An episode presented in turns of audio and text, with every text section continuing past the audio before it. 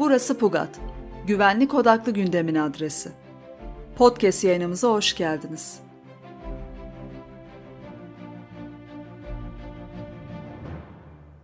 Bahadır Şahin'in Afgan Akını ve Türkiye başlıklı yazısını dinliyorsunuz. Amerika'nın Afganistan'dan çekilmesinin ardından ülke deyim yerinde ise sahipsiz kaldı. Kısa sürede ülkenin %85'ini kontrol altına alan Taliban bu defa daha hızlı ve daha acımasız. Özellikle Afgan polisinde ve ordu mensuplarında büyük çözülme yaşanıyor. Yıllardır Afganistan'da konuşulanmış yaklaşık 100 bin Amerikan askeri varlığının 10 yıl içinde sıfıra indirilmesi, başta Afganlar olmak üzere bölge ülkelerine gelmiş durumda. Amerika Birleşik Devletleri ve NATO güçleri ülkede bulundukları süre içerisinde aşçısından tercümanına, askerinden polisine kimle temas ettiyse hepsi Taliban tarafından kafirlerle işbirliği yapmakla suçlanıyor ve maalesef sırasını bekliyor. Amerika Birleşik Devletleri Başkanı Biden kendilerine destek olan Afganlara özel vize hakkı vereceklerini ifade etti. Ancak bu vize işlemlerinin Taliban'ın ilerlemesinden daha hızlı yürümesi gerektiğinin maalesef farkında değil. Bunca yıl sonra ülkeyi Taliban'a bırakıyorsunuz. Bu saatten sonra Afganistan'daki ölümlerden Amerika Birleşik Devletleri sorumludur.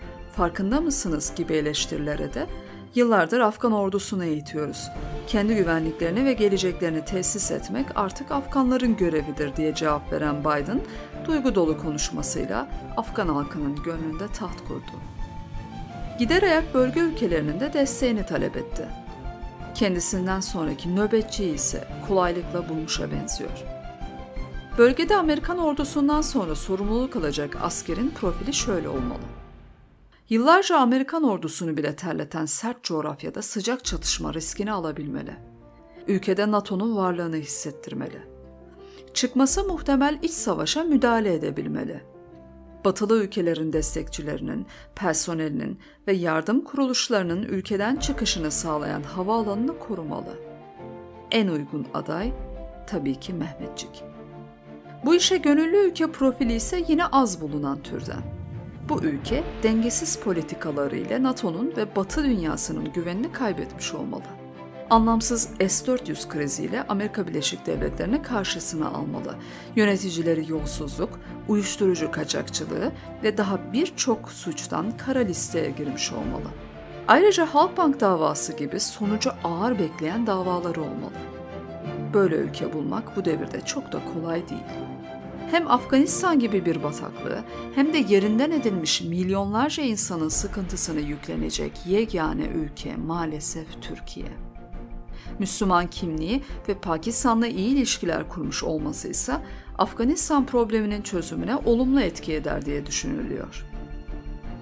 Önümüzdeki aylarda yaklaşık 4 milyon Afganın ülkeyi terk etmesi bekleniyor ve görünen o ki öncelikle adresleri de Türkiye olacak.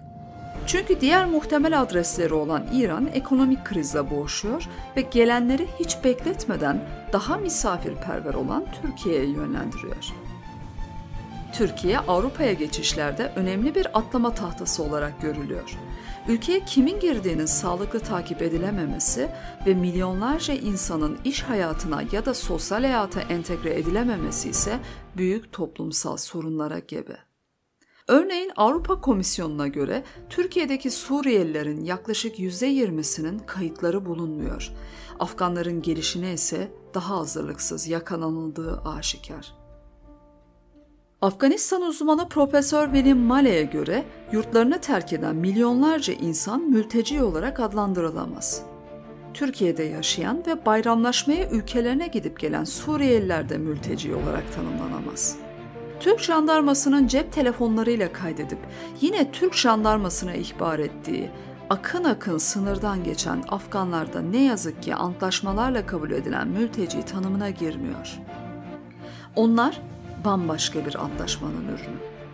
Afgan yığınlarının Erdoğan'a alan açacağı ve hatta iktidarının ömrünü uzatabileceği çok yersiz bir ihtimal değil. Umalım ki Türkiye kontrolsüz Afgan akınıyla Özgür Suriye ordusu benzeri Erdoğanist cihadist paramiliter bir yapılanmaya ev sahipliği yapmaz.